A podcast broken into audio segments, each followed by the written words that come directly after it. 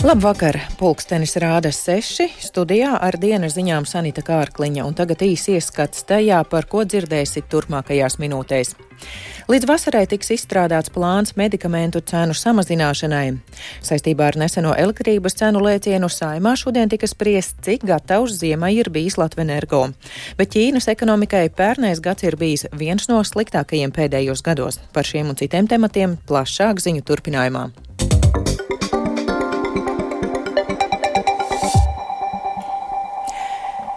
Vai jau gada otrajā pusē par zālēm maksāsim mazāk? Medikamentu pieejamības uzlabošanas plāna ieceres izstrādās līdz vasarai un ir labas iespējas, ka recepšu medikamentu cena samazināsies par 15 līdz 20 procentiem. To vislabāk izjutīs seniori un cilvēki ar hroniskajām slimībām. Tā saimas komisija kopsēdē izteicās Veselības ministrijas parlamentārais sekretārs Artjoms Uršuļskis. Vienlaikus par pievienotās vērtības nodokļa pazemināšanu zālēm varētu lemt ne ātrāk kā pirms 2000. 2025. gada. Par gaidāmajām pārmaiņām zāļu apritē klausieties Jāņa Kīņša sagatavotajā ierakstā. Latvijā medikamenti ir dārgāki nekā Baltijas valstīs gan uzcenojumu, gan arī augstākas pievienotās vērtības nodokļu likmes dēļ. Latvijā ir spēkā 12% pazeminātā PVN likme medikamentiem, Igaunijā 9%, bet Lietuvā 5% kompensējumiem medikamentiem, bet pārējām zālēm 21%. Latvijā PVN recepšu zālēm varētu pārskatīt kontekstā ar citām nodokļu izmaiņām. Plašākus risinājumus zāļu pieejamības uzlabošanai veselības ministrija gatavos jau ātrāk. Latvijā medikamentu lieltirgotavu un un aptieku uzcenojumam nav fiksēts maksimums, kāds tas ir noteikts piemēram Lietuvā. To plānots pārskatīt. Uzcenojuma sistēmas izmaiņas gatavos līdz šā gada jūlijam. To saimnes sociālo un darba lietu komisijas un sabiedrības veselības apakškomisijas deputātiem klāstīja Veselības ministrijas parlamentārais sekretārs Arķoms Uršuļskis. Plānojam izveidot vienotu uzcenējumu veidošanas mehānismu visām recepšu zālēm gan kompensējumam, gan nekompensējumam. Mēs skatāmies uz to, ka šie soļi varētu samazināt arī, protams, gala cenu zālēm un arī mazināt aptieku atkarību no lielturgotavām. Atšķirības starp nekompensējumam un kompensējumam ir diezgan lielas. Plānojam tos lielākos piesinājumu griezus padarīt mazākus. Veselības resorā šogad paredzēti papildu vēl 30 miljonu eiro kompensējumu medikamentu sarakstu papildināšanai, kā arī daļas kompensāciju palielināšanai. Zālēm, kas ir kompensējumā zāļu sarakstā, ir dažādi kompensācijas apmēri - 50%, 75, 90, 99, 100. Arī šo sadaļu mēs piefinansējam klāt no valsts, paredzot tās zāles, kas šobrīd kompensēs 50% apjomā, palielināt to kompensāciju apjomu līdz 75, un tas, protams, arī to zāļu pieejamību palielinās ievērojami. Izskan arī norādes par citām risināmām problēmām - zāļu pieejamības nodrošināšanai attālākos reģionos, kā arī farmaceitu piesaistīšanai un atalgojumu celšanai. Turpina zāļu valsts aģentūras direktora vietnieks Sergejs Akuličs. Farmaceitu pieejamība aptieka varētu nu, pasliktināties nākamajos gados, ņemot vērā arī vecumu, struktūru un citus jautājumus. Tāpēc mums visiem būs jādomā par reģionālu pārklājumu. Pagaidām veselības ministrijas ziņojumā konkrētu aprēķinu un uzcenojumu ierobežojumu piedāvājumu vēl nav. Plāna ieceres atbalsta farmaceitu un aptieku biedrības, taču daļa nozars gatavojas aizstāvēt zāļu piecinojumu aprēķinus. Tajā skaitā par zāļu krājumu uzturēšanu, kas ir arī valsts drošības jautājums, uzsvēra Latvijas farmaceitu aprūpas asociācijas izpildirektore Kristīna Jučkoviča. Aptieku piecinājums tā ir alga farmaceitam. Tā nav valsts struktūra. Farmaceits savu algu nopelna pats. Šī gadījumā par valsts iesaisti mēs runājam. Aptieku uzņēmumu aprēķini liecina, ka kompensējuma medikamentu sistēmas apkalpojums šobrīd nav rentabla. Sistēmu mēs esam gatavi mainīt, bet šai sistēmai ir jābūt absolūti pamatotai tā, lai nozara neciestu krahu. Veselības ministrijas ieskatā zāļu pieejamības uzlabošanas plāna ieviešana jau šā gada otrajā pusē ļautu recepšu medikamentu cenas pazemināt par 15 līdz 20 procentiem. Konkrētāks plāna aprises atspoguļos lēmumu un izmaiņas daudzos normatīvajos aktos, kuru izstrāde turpināsies līdz jūlijam. Jānis Kincis, Latvijas Radio. Saimā šodien tika runāts par to, cik gatavs ziemai ir bijis Latvenergo un vai zaudētāji nav iedzīvotāji, kuri par elektrību maksā pēc biržas cenām. Tas saistīts ar janvāra sākumā piedzīvoto dramatisko elektrības cenu pieaugumu, pēc kura politisko partiju apvienība apvienotais saraksts uzskata, ka valsts akciju sabiedrība Latvenergo nebija sagatavojusies stabilam un drošam darbam ziemā. Ekonomikas ministrs Viktors Valēnis no Zaļo un Zemnieku savienības tikmēr uzsvēra, ka teica remontēt vasarā nevar, jo tad energo droši drošībai esot vēl lielāki riski un ka Latvenergo ir bijis spiests veikt remontu ziemā. Manā ieskatā tā ir varbūt tikai un vienīgi ekstrēma situācija. Tā nevar būt ierastā prakse, un šajā brīdī tā ekstrēmā situācija ir iestājusies. Mums būtu jāstrādā un no šīs situācijas jāmācās, lai ilgtermiņā skatoties uz priekšu, mēs risku menedžmentu veidot tā, ka spētu ieprognozēt arī pēc iespējas ātrāk, lai arī novērstu šādas situācijas, kas var izveidoties. Un, un šīs ir tematiskās apkopes, kas ir jāveic, un viens no tematiskās apkopes ietvaros, kas tieši notikās arī rudenī tika fiksēts tas, ka ir jāveic papildus remonta darbi, kas ir tikuši veikti, un šobrīd jau šīs iekārtas darbojas.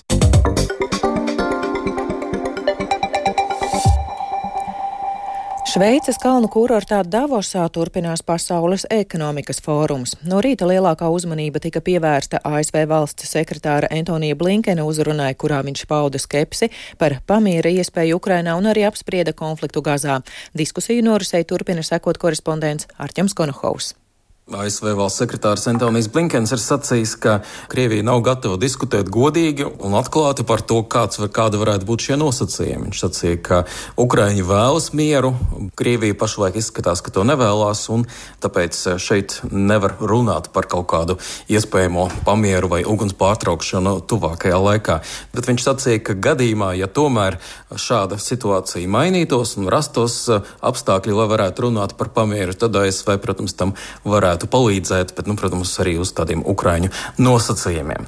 Tāpat diezgan daudz uzmanības viņa uzrunā tika veltīts arī vēl otram tādam būtiskam konfliktam, tā ir situācija Gazā.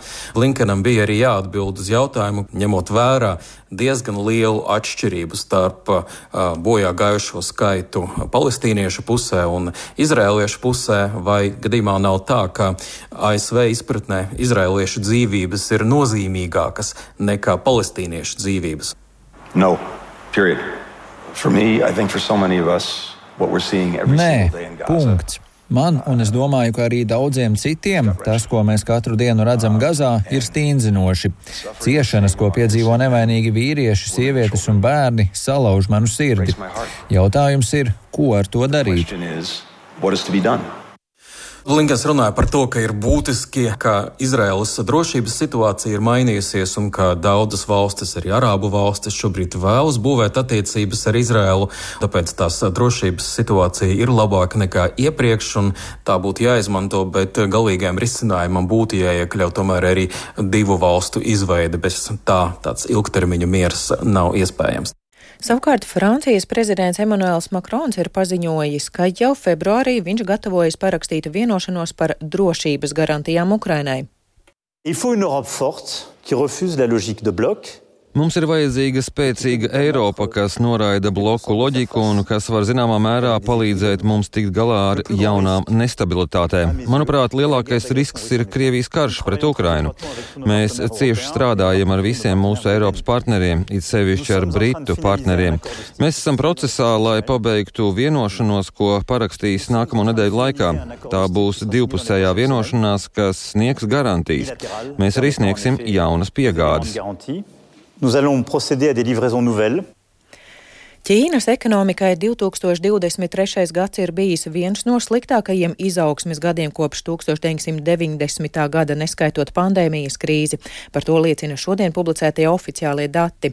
Ķīnas ekonomiku skar kropļojoša krīze nekustamo īpašumu sektorā, gausais patēriņš un arī globālie satricinājumi. Plašāk par Ķīnas ekonomikas situāciju stāsta Rihards Plūme. Ķīnas Nacionālais statistikas birojs atklājis, ka iekšzemes koprodukts pagājušajā gadā palielinājies līdz 5,2%, sasniedzot vairāk nekā 17,6 triljonus ASV dolāru. Un, lai gan šie rādītāji ir labāki par Pekinas noteikto mērķi un labāki nekā dati par 2022. gadu, kad strikti pandēmijas ierobežojumi postīja ekonomiku, tomēr tie ir vājākie pēdējo 30 gadu laikā, ja neņemam vērā pandēmijas gadus. Piemēram, vēl pēc 2010. gada izaugsme bija aptuveni 6 un 7 procenti.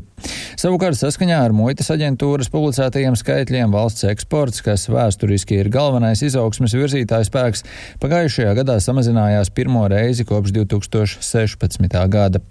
Nedaudz pieaudzis arī bezdarbs, un šajā ziņā situācija nav laba tieši jauniešu vidū.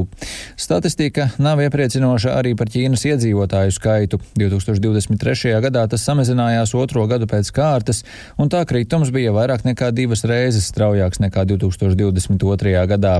Tieši uz daudzskaitlīgu darba spēku Ķīna bija paļāvusies kā uz ekonomikas izaugsmes dzinuli. Davusā notiekošajā ekonomikas fórumā Ķīnas premjers Līts Jans centās pārliecināt klātesošos, ka ekonomikai klājas labi.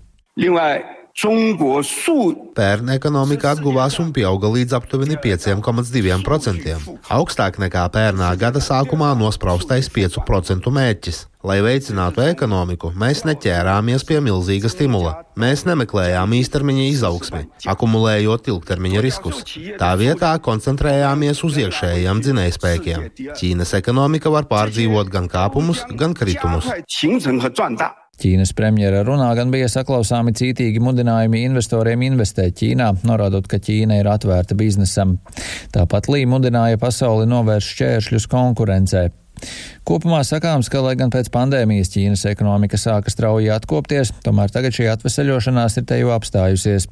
Iepriekš minētie faktori un arī ģeopolitiskā spriedze ar ASV, kā arī dažu rietumvalstu centieni samazināt atkarību no Ķīnas vai dažādot piegādes ķēdes, tas viss negatīvi ietekmē šīs Āzijas valsts izaugsmi.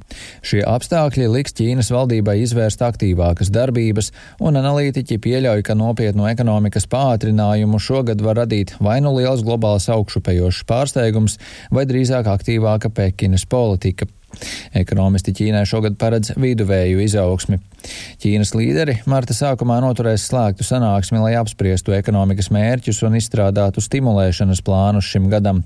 Līdz tam laikam visticamāk jau būs aptuveni zināmi daži pavadieni par to politiku un reformu programmu, ko Pekina grasās īstenot.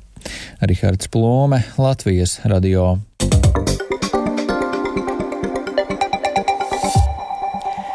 Mums joprojām ir augstas cenas, augstas banku procentu likmes, kas negatīvi ietekmē gan privāto, gan eksportu. Un, diemžēl, Latvijā ir arī zema produktivitāte. Tā šorīt Latvijas radio atzina profesora Inna Steinbuka, komentējot Latvijas Universitātes produktivitātes zinātniskā institūta ekonomikas barometra datus. Steinbuka skaidro, ka arī šim gadam prognozētā izaugsme nebūs strauja - aptuveni 1,8-1,9% pie tādiem tempiem straušs ekonomikas izrāviens nav sagaidāms. Un labas ziņas ir tādas, ka eh, cenu pieaugums nav sagaidāms liels.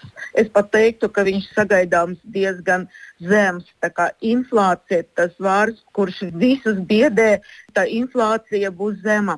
Un otrā laba ziņa ir tāda, ka tiek prognozēts, ka arī darba samaksas pieaugums eh, krietni apsteigs cenu pieaugumu. Turpinām par sportu. Nav skaidrs, vai Kristaps Porziņģis varēs piedalīties Nacionālās basketbola asociācijas spēlē, kurā Bostonas Celtics rīt no rīta savā laukumā uzņems San Antonio Spurs. Porziņģim ir labā ceļgala iekaisums. Līdz šim šo sezonu Porziņģis dažādu iemeslu dēļ izlaidis jau desmit NBA mačus. Liepainieks jau šo sezonu vairāk kārt arī uzsvēris, ka katra trauma tiek izvērtēta īpaši, lai saglabātu iespējamu lielāku viņa efektivitāti ilgtermiņā, nevis lai uzvarētu dažās tuvākajās spēlēs spēlēs. To porziņģis pauda arī nesenajā intervijā Kanādas MMA cīņu apskatnieku kanālā.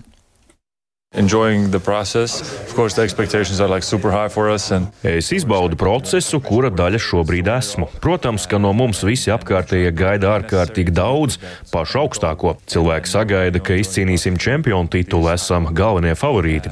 Mēs cenšamies darīt visu nepieciešamo, lai sasniegtu šo galējo mērķi. Protams, ceļš uz to arī ir jāizbauda. Es baudu, ka spēlēju kopā ar tik daudziem augsta līmeņa basketbolistiem kopā, jāmēģina sasniegt lielais galamērķis and trying to achieve that ultimate goal. Ar to izskan dienas ziņas sešos vakarā. Producents Viktors Pupiks ierakstus montēja Kaspars Groskops pie skaņu pults Kārlis Rašmanis, bet studijā Sanita Kārkliņa un vēlreiz īsumā par dienā svarīgāko. Līdz vasarai tiks izstrādāts plāns medikamentu cenu samazināšanai. Saistībā ar neseno elektrības cenu lēcienu saimā šodien tika apspriests, cik gatavs ziemai bija Latvenergo, bet Ķīnas ekonomikai pērnais gads ir bijis viens no sliktākajiem pēdējā desmitgadē. Yeah. Rīgā pat labi mīnus 8 grādi, dienvidu, dienvidu austrumu vējš brāzmās 9 m2, atmosfēras spiediens 756 mm, gaisa mitrums 79%. Kāds laiks mūs sagaida turpmāk, stāsta Ilza Golubeva. Ceturtdien mākoņu daudzums atkal palielināsies, un naktī, kā arī no rīta sniks, pušot brāzmainam vējam, arī putinās. Līdz ar to jāreķinās ar sarežģītākiem braukšanas apstākļiem. Dienā gan rietumos uzspīdēs saule. Gaisa temperatūra naktī būs minus 3, minus 8 grādi valsts rietumos, bet austrumos saules pastiprināsies līdz minus 13 grādiem. Dienā savukārt temperatūra būs no plus 1 grāda jūras piekrastē līdz minus 6, minus 7 grādiem austrumu Latvijā. Arī nedēļas izskaņā ir gaidāms sniegs, vietām putenis. Gaisa Gaisa temperatūra kā naktīs, tā arī dienās būs zem 0 grādiem, un augstākā nakts ir gaidāma naktī uz svētdienu, vietām zem minus 15 grādiem.